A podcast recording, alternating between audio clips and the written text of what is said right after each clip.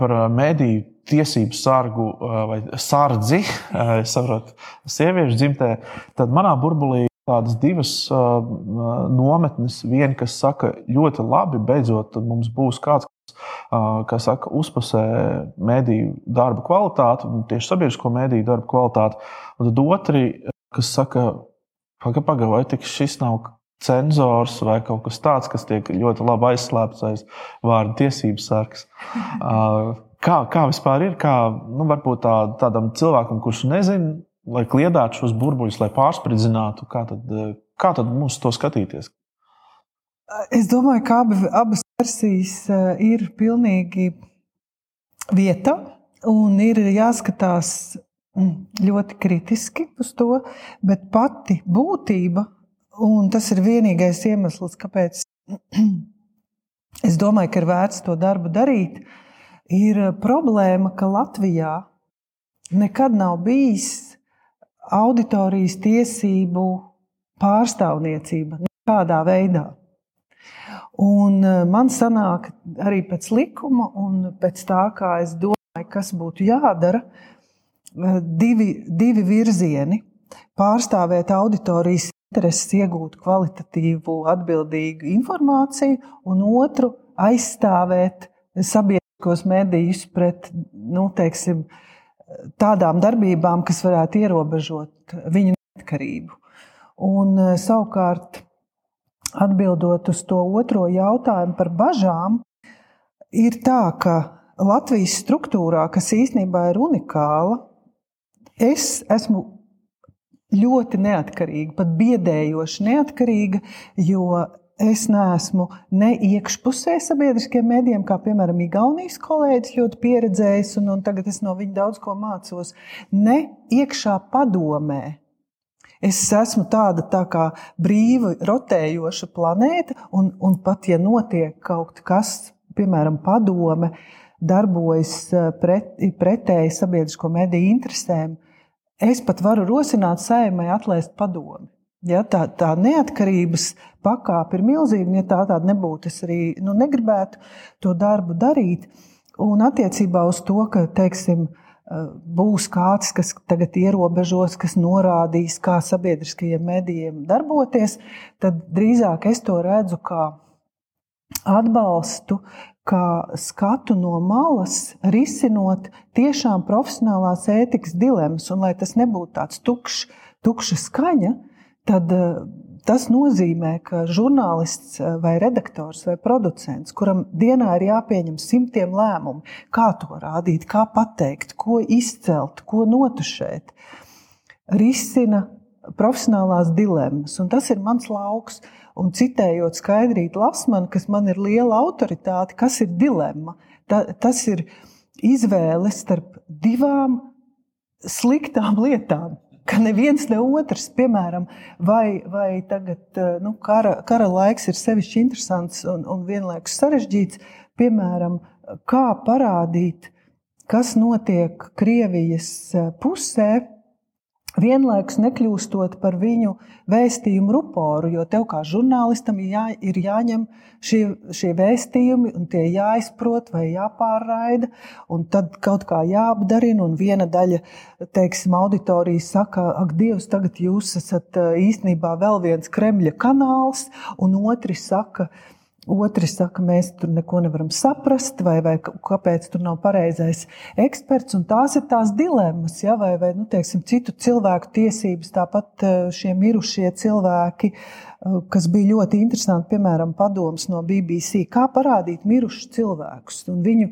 Jo ar cieņu, nu, arī. Jā, kā to izdarīt? Jā, ar cieņu. Kā, ar kā cieņu ja ne, teiksim, saprotot, ka tas aizies, nekad, nekur tas ne, nepara, eh, nepazudīs, ka viņiem ir tuvinieki, viņiem ir viņu liktenis, nu, šiem cilvēkiem ir viņu liktenis.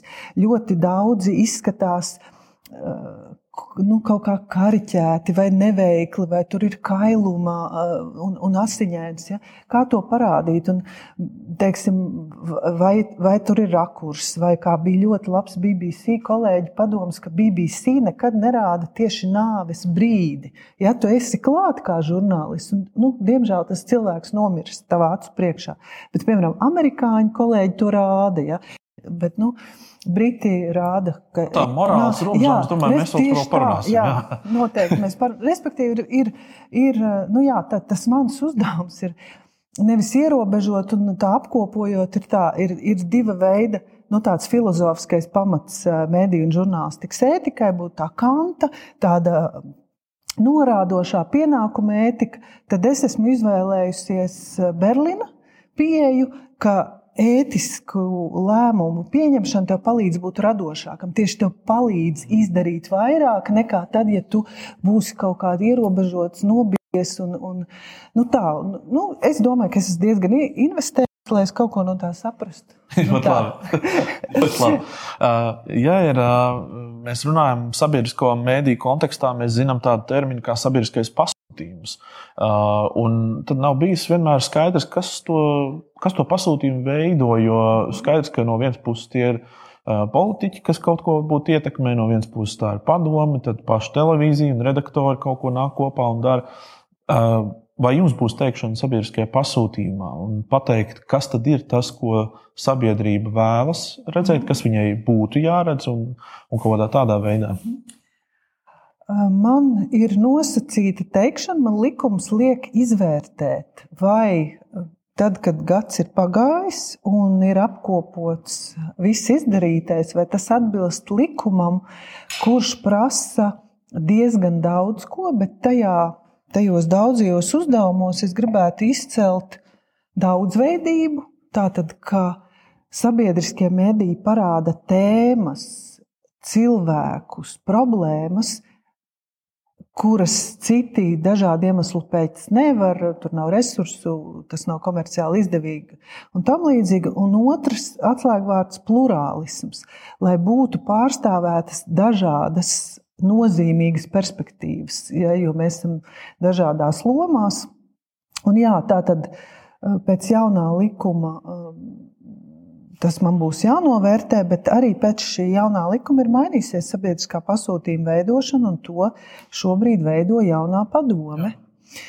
Un, jā, nu, tur, nu, tur arī uzdevumos ir ielikts tāpat arī nu, sabiedrības intereses. Tātad tiek pieņemts, ka sabiedrības interesēs ir saņemt daudzveidīgu, dažādu, eh, drošībai un citām eh, nozīmīgām lietām, kultūras attīstībai, kopējai sabiedrības attīstībai, nu, svarīga informācija. Un īstenībā, kas būtu viens no tādiem pamatjautājumiem, ko varētu šie skeptiķi prasīt, ja, nu, tie, kas, kas baidās, ka tagad kaut ko ierobežos, nu, kāpēc vispār profesionālā ētika ir vajadzīga?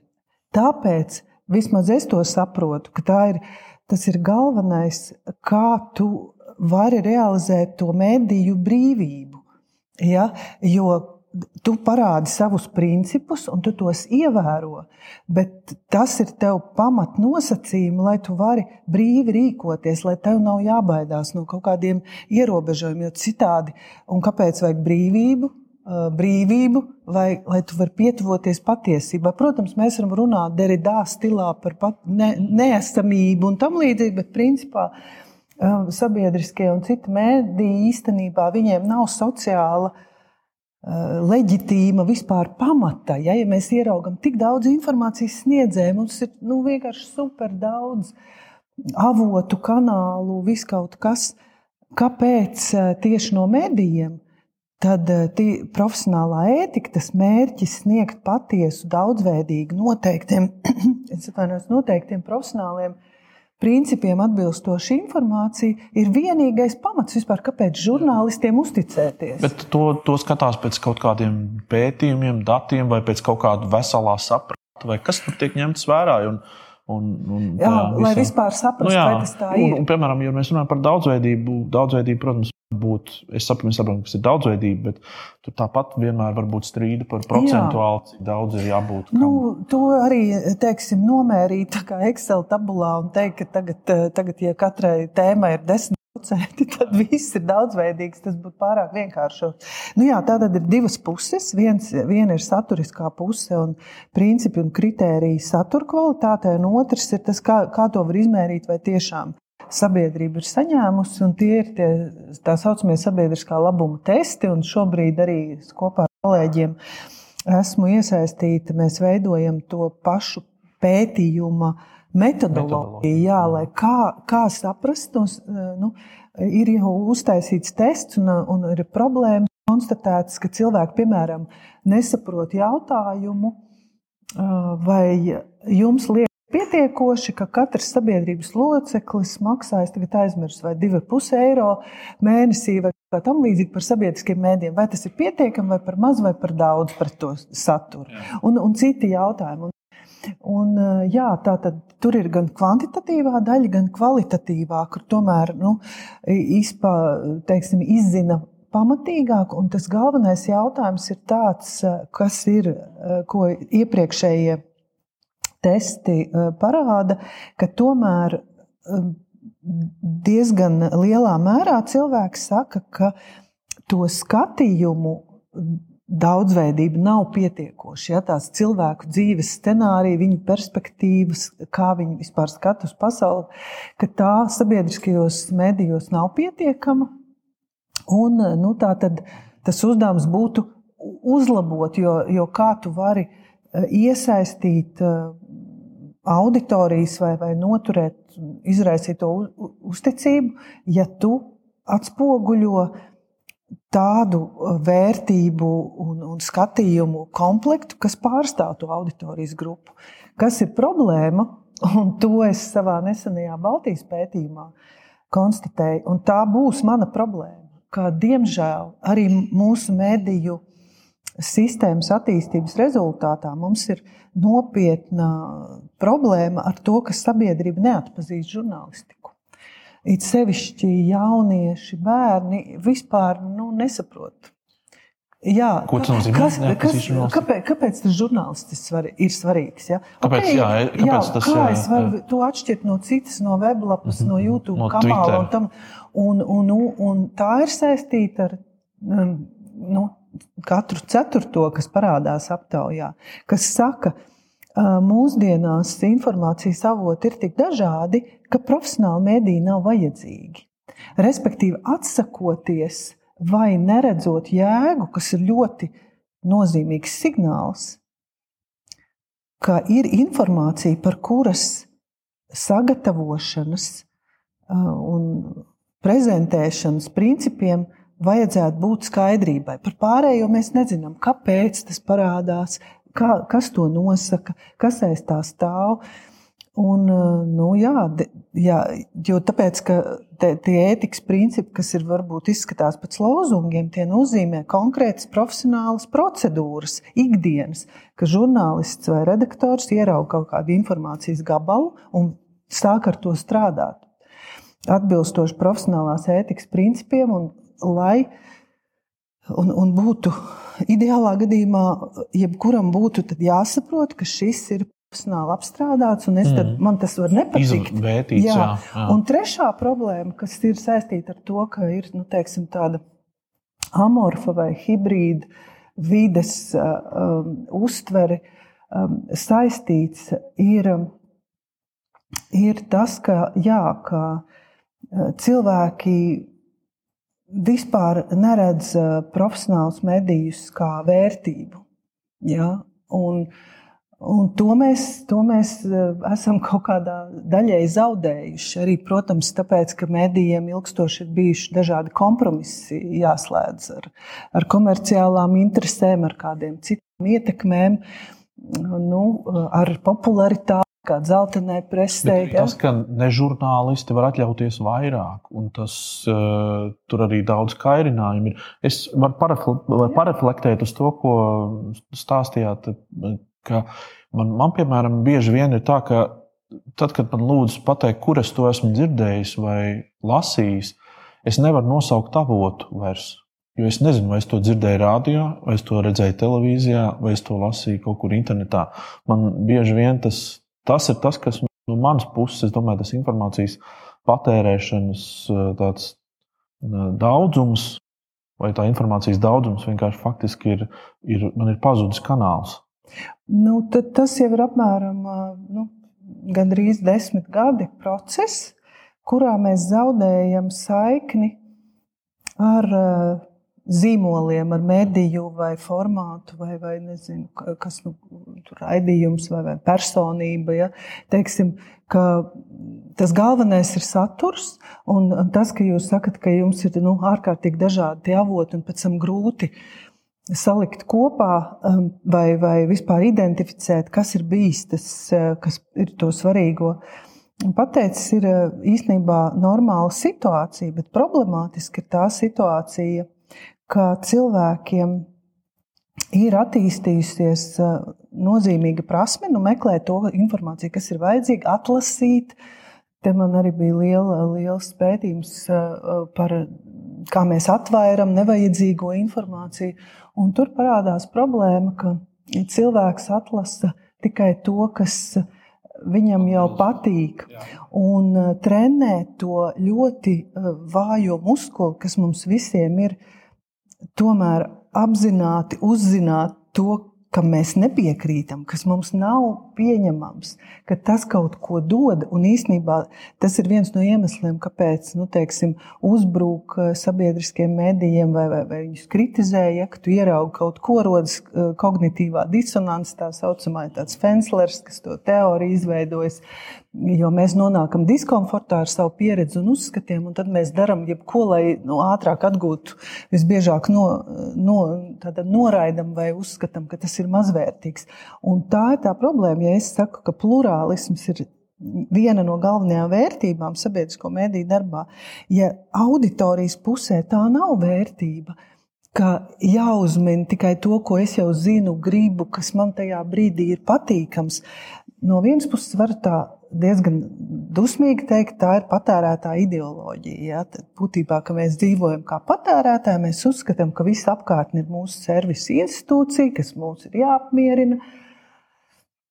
Un kā, kā panākt to, ka tava, nu, tavs, tavs komforts, tava apmierinātība vienmēr ir tiešām tev jā, vajadzīga? Trenēt tas tā muskulu, ir problēma. Jā, jā, jā, jo ir, ir pat no neirozinātnes, ka te pakausī aizmugurē ir tāds punkts, kas sāk pulsēt tik līdz kaut kas mums ne, nesakrīt. Un tas ir mums no seniem laikiem, jo īstenībā cilvēkiem, lai izdzīvotu, nav vajadzīga daudzveidīga informācija. Respektīvi, tu vai nu sit vai bēdz. Jā. Jā. Un, no, un, un tad rodas nesaturēšana sociālajos medijos un citas uz ecēšām, vai ne mēs lecam. Ja es tā skatos uz sabiedrisko mēdīju vidi Latvijā, man piemēram patīk, kā ir attīstījies Latvijas radio, nodalot kanālus pa interesēm. Viņi to vēsturiski ir darījuši kaut kā apzināti.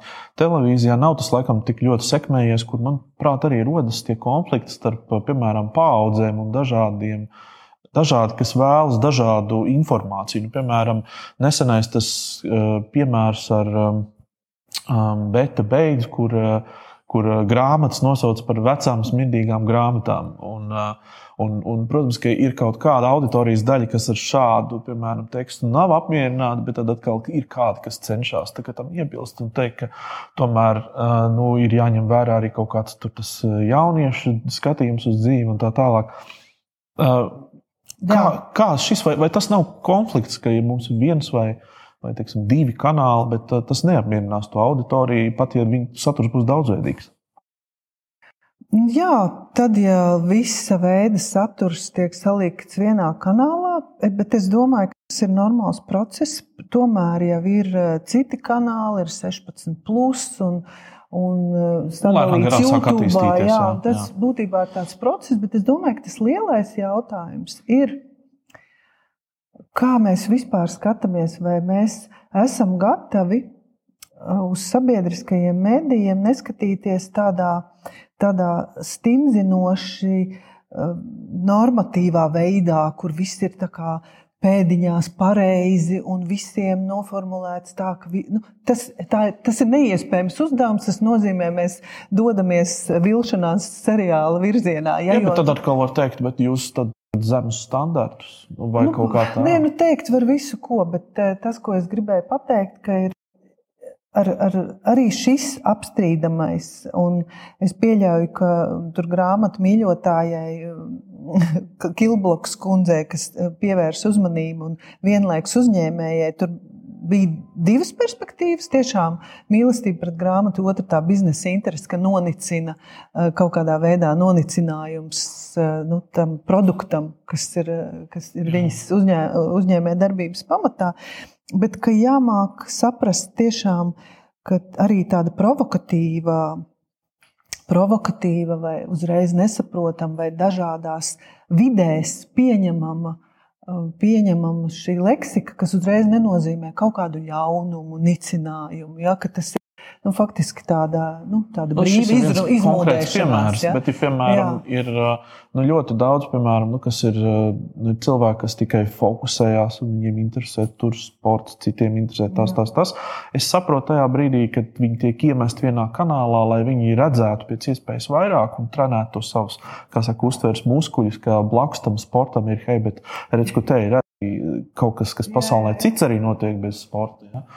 Um, nu jā, tas ir īstenībā tas klasiskais uh, sabiedrisko mediju struktūrēšanas uh, pieejams, un uh, ir skaidrs, ka tās uh, kanālu sistēma un sabiedriskā mediju struktūra ir ārkārtīgi konservatīva. Tu, nu, paši zinat, cik grūti tur kaut ko mainīt, uh, un kā teiksim, sports, kur, kur viņi likt vai vajag kultūru un tam līdzīgi. Bet tā ir šī dilemma. Beidz, Jā, beigās tas nu, sanāk, ka tā ir tā dilemma, jo no vienas puses, tad, tad, eh, ja mēs sadal, uztaisīsim daudz kanālus, mēs cilvēkus sadalīsim. Nodalīsim, jā.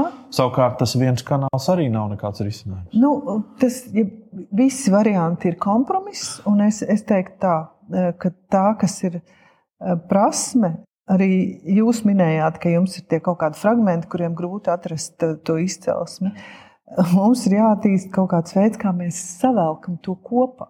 Ja? Un, un skaidrs, ka nu, nav neviena, kas no rīta līdz vakaram visu laiku uh, skatās uh, nu, kaut kādu vienu kanālu vai vien, vienu tēmu, bet ir jābūt kaut kādai drošībai, uh, ka tur tā tēma būs. Un, protams, kā to strukturēt, ja man ļoti patīk, piemēram, Somijas medijas, kurā es esmu vairāk kārt bijusi, un tiešām tur ir Bet tur arī tie nišas kanāli, tie ir vairāk rādio, kas ir nu, vieglāk izveidot. Tagad, protams, jebkurš rādio ir vizuāls un digitāls, un, un tā tad to var attīstīt. Tā kā es domāju, ka tas jautājums ir ļoti svarīgs, bet kas man šķiet, ka nevajadzētu atkal nodalīt vienlaikus, piepildot gan klasisko mērķi, šo lineāro auditoriju, kur arī ir vērtīga, un, un veidojot to izkaisīto digitālajā vidē dzīvojošu auditoriju, ka nevajadzētu pazaudēt arī tos, kas ir uzticīgi, uzticīgi skatītāji. Jo nu, reizēm man liekas negodīgi un eģistiski um, izturēties pret cilvēkiem, kas tiešām jūt eh, saikni un identitāti un ir domājoši un ieinteresēti arī tajā izglītojošā, dokumentālajā, varbūt sarežģītākajā saturā. Un viņi atved arī citus savus bērnus, mazbērnus un, un vispār eh, skatīties uz auditoriju tikai pēc eh, kaut kāda vecuma grupas vai, vai noteikti dzīves perioda mediju lietojumu, manuprāt, ir ļoti šauri, ka labāk tomēr meklēt meklēt eh, vērtības, kopīgās intereses un eh, nu, tādas nozīmīgas funkcijas. Kāpēc? Bet šis, ko jūs minat, eh, šis, ko jūs minat, ir. Pētījumos tagad tiek ņemts vērā šīs jaunās kvalitātes, ja mēs joprojām jā, jā. pētījumos runājam par to demogrāfisko griezumu visos veidos. Nu, tad man būtu gari jārunā, bet tas jau nevienam neinteresē, cik vispār ir iespēja ir pētīt pētniecības iespējas. Klasiski, protams, tiek, tiek skatīts sociāla demogrāfisks griezums. Bet uh, ir arī jautājumi, kas cita veida. Uh, jā, tiešām kas cilvēkam ir nozīmīgs dzīvē, kā vispār tiek vērtēts medijs, kā, kā tiek skat, kā, kā skats uz, uz informāciju, kas man šķiet, kas vēl jātīsta mums kaut kā tāda tāda sajūta, ja mēs uzskatām, ka okay, mēs gribam kvalitatīvu ēdienu, mēs gribam kvalitatīvu apģērbu, ilgspējīgu un tam līdzīgi, tur lēno modu vai kaut kādu tam līdzīgu, tad mums ir arī jārūpējas par to, lai mūsu tā informācija, sēdienkarte un diēta būtu kvalitatīva.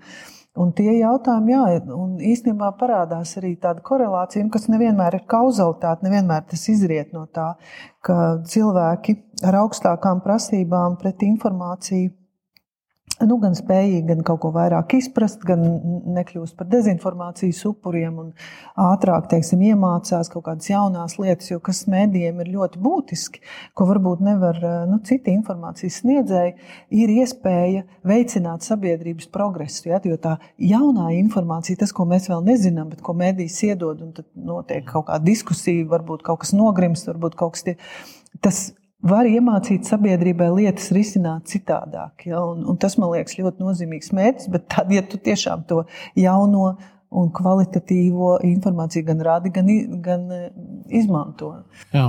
Vai, vai tiesības sargs var kaut kādā ziņā ietekmēt vai veicināt vai, vai, vai nu, kā, stimulēt mediju pratības procesu uh, Latvijā? Jo, jo līdz šim nebija īsti skaidrs, vai kultūras ministrija vai, vai kādi fondi vai kas tas ir? Nē, nu viss Latvijā tur Nē, nu, atbild. Ir diezgan skaidrs, ka. Jā, man likumā rakstīts, ka es veicinu sabiedrības mediju pratību, un es to uztveru ļoti nopietni. Tādējādi, ka es jau esmu izdomājis gan formātus, un piedāvājis gan galvenās tēmas, jo man šķiet, ka tas tiešām ir ļoti svarīgs uzdevums man izstāstīt, kā tad atšķirt pirmkārt žurnālistiku no viskā cita, profesionāli atpazīt, kad tā ir kvalitatīva, kad nav. Es jau, protams, esmu saņēmusi vairākus iesniegumus, un nu, tā, tā, tā ir tā detalizācija. Bet par dažādām jomām, gan par tēmām, kas ir politiskas žurnālistikas kvalitātes, kas ir diskusija vispār. Kā, kā mēs varam saprast, ka no tās diskusijas ir ieguvums, vai tā ir daudzveidība, ko nozīmē uh, viedokļu balans, ja, līdzsvars, kas ir viltus līdzsvars un tam līdzīgs. Ka, jā, nu, man ir diezgan nopietns plāns, gan klātienē, gan ar, ar mediju palīdzību. Man, manē, manē, mans bloks LSM ir automātiski pārvērties par ombuda bloku, ja, kur, kur teiksim, ar svaru. Ir, nu, jā, nu, tur, tur teiksim, es vairs ne, nevērtēšu citus medijus, ja, nu, bet okay, pie, kas jā, vairāk nekā jau, 20 jau darba, gadus jau darba, Viss jau ir pateikts. Jā. Jā. Varbūt, ka, lai, un, un tieši tā, ka sabiedrībai arī aktualizēt kaut kādus tādus jautājumus, arī tagad, piemēram, par, par kara propagandu. Ja? Nu, tas ir ļoti sarežģīts jautājums, vai par avotu izvēli, ja? kur mēs skaidri redzam, kas man šķiet ļoti bīstama tendence, ka nevēlēšanās dzirdēt eh, kaut ko, kas nepatīk, nu, piemēram, Krievijas pozīcija tiek vērsta pret to, kā žurnālisti vispār izvēlas avotu. Ja, tas avots tiek noniecināts personiski, viņa, jo viņa teiktais nav pieņemams. Ja, un, un tas tieši tā, tas velk uz cenzūru ja, un uz informācijas eh, ierobežojumiem un, un tādas redakcionālās neatkarības uh, ierobežojumi, kur mēs redzam, ka šie avoti, kas mums nepatīk, tiek dehumanizēti. Viņi tiek par, parādīti, ka viņi nemaz nav normāli cilvēki, jo viņi ir nu, bijuši kaut kur iesaistīti. Un mēs viņus vairs neredzam kā tādus, kuriem nevajadzētu uzbrukt vai kurus nevajadzētu noniecināt. Ja? Un tas īstenībā publiskajā komunikācijā ir diezgan bīstami. Un to mums ir sagādājuši populistiski politiķi, kuri būtībā ir radījuši tā saucamo naidīgo mediju efektu, negribot konkurēt, ka viņus kāds kritizē. Tā tad, viņi to ir darījuši, labi, viņi to ir darījuši savu interesu dēļ, bet vai viņi ir, jūsuprāt, sapratuši lielo bildi, ka viņi faktiski informācijas karā nostājas pretinieku pusē? Viņi to, vai viņi to ir sapratuši? Ja? Man, man, tas man vienmēr ir bijis tas jautājums, ko īsti neesmu varējis arī savā, sev atbildēt, vai, vai tu zini, ka tu nodari ļaunu, vai tu, vai tu to dari neapzinoties? Es nu, domāju, ka tas ir ļoti runājot. apzināti. apzināti. Es principā domāju, ka tie milzīgie resursi, vienalga, lai ko mēs teiktu par Trumpu kā ikonu, vai, vai vienalga Orbānu vai mūsu pašu gobzemu, par kuru man ir raksts, ja vajag, es varu atsūtīt pirms iepriekšējām vēlēšanām. Tas tie resursi un tas veids izsmalcināts, ļoti daudzveidīgs, kā uzvarēt informācijas karā un būt tam. Eh, es gobzemu vispār saucu par tādu digitālo kareivi, kurš veido tādas saucamās digitālās ciltis, eh, attīstot tribalismu, ja, kas ap sevi, eh, kur, kur tas viedokļa līderis netiek apšaubīts, ja, kur viņš ir kanonizēts. Ja, tāpat nu, ne tikai viņš, bet nu, viens no mūsu tuviem piemēriem. Tas, tas tiek darīts apzināti, un skaidrs, ka mēs varam te sēdēt un teikt, ka tiek nodarīts kaitējums demokrātijai. Bet to nu, teiksim, populistiskas komunikācijas rezultātā tiek iegūtas politiskas priekšrocības. Ja, tiek vākts tā saucamais sociālais kapitāls, ja šie atbalstītāji, kurš pēc tam tiek izmantots tālākā politiskā darbībā. Nu, es esmu no tiem, kas skata politiku nevis kā politisku ideoloģiju, respektīvi populismu, nevis kā politisku ideoloģiju, bet kā komunikācijas veidu, jo ne tikai populistiski politiķi izmantoja nu, teiksim, vienkāršas frāzes, eh, kur ārējie ir vainīgi, un mēs esam tie labi, un mēs esam visi vienveidīgi un godīgi, un, un, un tikai labi, un vienmēr tādi Pareizi, citi, citi, kuru citu darbības rezultātā nespēja realizēt savu potenciālu. Ja, tas ir ļoti izdevīga tāda pozīcija, ja, jo tev nekas nav jādara, tu tāpat esi labs un visi tie pārējie, teiksim, tā apkārtējā pasaule, kas it kā vada un ietekmē tevi, ir, ir pie visa vainojami, ja, tie tie vainīgie. Tā kā tāda politiska komunikācija ir arī nu, teiksim, citām, bet eh, viens no galvenajiem virzieniem, to savēlkot kopā, ir, ka eh, vainīgo puse ir mediji. Ja? Ka mēdīji tiek skatīti kā tādi, nu, kas skatās gan, nu, protams, politis, politiķiem ir tiesības un mums ir eh, tiesības uzzināt par viņu politiskajām idejām, bet skaidrs, ka tur nebūs tikai apbrīna vai vienmēr pozitīvs vērtējums. Tad, lai izvairītos no tā, vajag noniecināt to it kā mediji kļūst par oponentu. Jā, saprotu. Nu, tā. Um, protams, ka daudzi sašķēlās par jautājumu par uh, Krievijas propagandas kanālu aizslēgšanu Latvijā. Bija nometne, kas teica, ka mūsu pēc, mūs pēc kaut vai Ziemeļkorejas televīzija var šeit rādīt, un es sapratīšu, kas ir propaganda un nē. Un tad ir tādi, kur, nu, kur saka, nu, tas ir labi, ka tā notika. Jautājums, vai tas aizliegums, vai jūs uz viņu skatāties kā uz tādu, ka tā mērīja par attīstību Latvijā varbūt ir tik zemā līmenī, ka mēs nedrīkstam tagad rādīt vairs to, to ko Solovjovs saka, piemēram, savai auditorijai. Es domāju, ka tas ir tāds īslaicīgs, īslaicīgs lēmums. Arī citās jomās, nu, kara laiks, kara laiks, kara laiks nav jā. miera laiks. Jā, tas ir citādāk. Jā. Un, bet es pied, nepiedaru pie tiem. Īstenībā visi šie slēgšanas, aizliegšanas lēmumi ir saistīti ar ļoti lielām bažām par mediju ietekmi, turklāt tūlītēju ietekmi. Un, un tieši nu, tie oponenti um, skaidrs, ka tiek nu, vērtē un, un, un skatās, uh, kas ir šie avoti. Bet, protams, ka drošības un tīri satura dēļ, ja, jo mums ir trīs krimināla likuma panti, 74. pirmā, pirmā daļa, 77. 78. Jā, tātad genocīda atbalsts, kara vardarbī, nu, var, vardarbības atbalsts kara kurināšanu, ja, kurš, kurš ir nelikumīgs. Ja, tad, tad tas saturs, to mēs varam leģitīmi arī slēgt.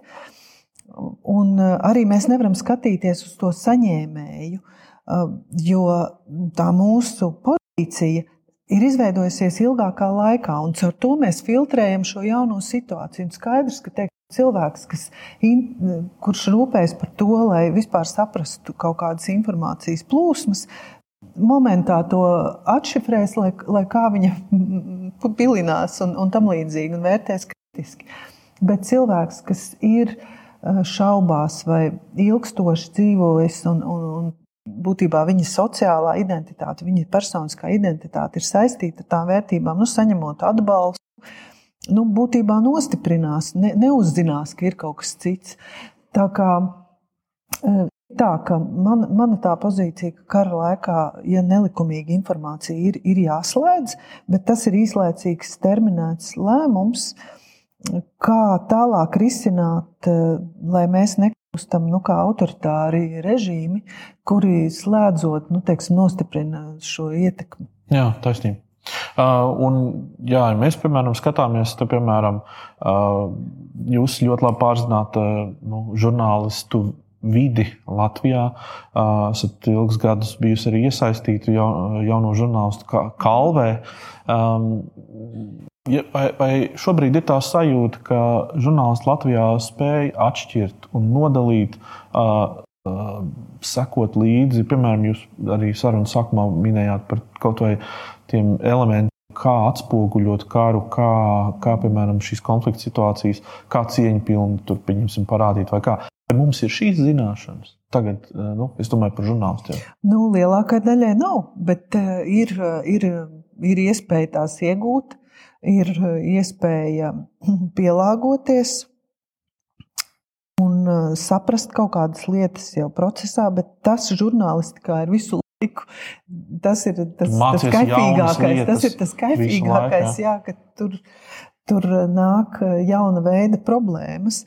Un attiecībā uz izglītību, protams, ka pamatus ir iespējams ielikt, Bet eh, izglītošanās ir vajadzīga vis, visa mūža garumā, un tā ir problēma, teiksim, ka nav tādas skaidras sistēmas, kuras pati kādreiz esmu mācījusies Zviedrijas žurnālistikas institūtā, divas reizes braukusi, kur katrs žurnālists zina, ka vienreiz gadā, vienu nedēļu viņš vai nu iemācīsies kaut ko jaunu, vai uzlabos to, ko viņš māca. Un, eh, tāpēc, protams, attīstīt to zinātnē, kā arī to, ka tu nevari vecā, vecajām rutīnām nu, teiksim, tikt galā ar, ar jaunām problēmām. Tas ir ļoti svarīgi. Nu, man reizēm ir grūti saprast cilvēkus, kam nav slāpes pēc zināšanām, jo man tās ir ļoti izteikts. Es, piemēram, domāju, ka tagad eh, pie tā viss, kas žurnālistiem ir jāmāca, un es arī esmu universitātē, mēģinu to risināt eh, mācīt programmēšanu, un pati esmu pamatlīmenī iemācījusies un ļoti lepojos ar to un e, ieraugu, kā tas īstenībā var palīdzēt. Tajā datu apjomā, tajā informācijas klāstā īstenībā taisīt foršus, interesantus e, formātus, tev pašam izdarīt vairāk, negaidīt, ko kāds cits to ir izdarījis. Tā kā, jā, atbildot uz to jautājumu, ka Tāpat kā citas jomas, žurnālisti pamatos ir gatavi, bet eh, kaut kādā ziņā arī nav gatavi. Piemēram, mēs runājam par virsrakstiem.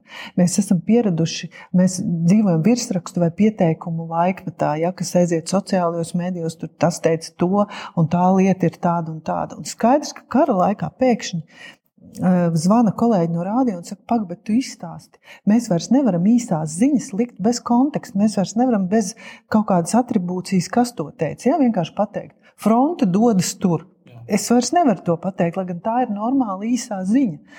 Nu, tā, tādas lietas, kas būtu, kas ir ļoti interesanti arī runāt ar tiem cilvēkiem, kā viņi redz. Viņi saka, jā, bet mēs visu laiku likām, ka kur, kur te ir pār, pārpratums, kur mēs tagad kaut kādu vienpusību. Bet, diemžēl tā ir. Ir jāpasaka kaut vai vienā vārdā, kurā brīdī tas ir un kādā sakarā tas ir pateikts.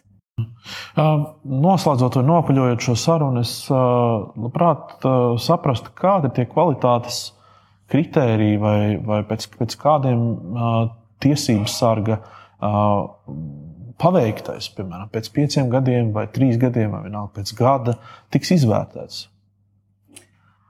Jāvērtē būs jau pēc gada. Jā. Pirmā vērtēšana. Es domāju, tur vairāk līmeņi būs. Viens būs tas, kā būs izdevies izveidot redakcionālās darbības vadlīnijas un kā būs izdevies darbināt ētikas kodeksus, kas ir diezgan labi jautājums, vai tie tiek darbināti. Otrais līmenis, ko es redzēšu, un starp citi arī vērtēs, kādas ir sūdzības, par ko ir sūdzības. Un kā, jā, jā, e, tie iesniegumi, kas tiek iesniegti, tātad vai tur ir pēc, jo, jo man ir jādod ieteikumi, ka, kas jāmaina. Teiksim, ja tiek atzītas uh, problēmas, un es jau redzu tagad, uh, pēc jaunākajiem iesniegumiem, vai ir izmaiņas konkrēti gan uh, konkrētos formātos, gan ir papildināts iespējams kādas kādas redakcijas darbā, kaut kādas konkrētas procedūras, kāda atskaitīšanās vai, vai doma apmaiņa, kā, kā darb, darboties problēmu jautājumā. Un, un nu, trešais lielais stāsts, kas nav īsā laikā panākams, ir arī nu, sabiedrības izpratne, kāpēc, kāpēc vispār sabiedriskie mediji ir un kā, kā tos novērtēt.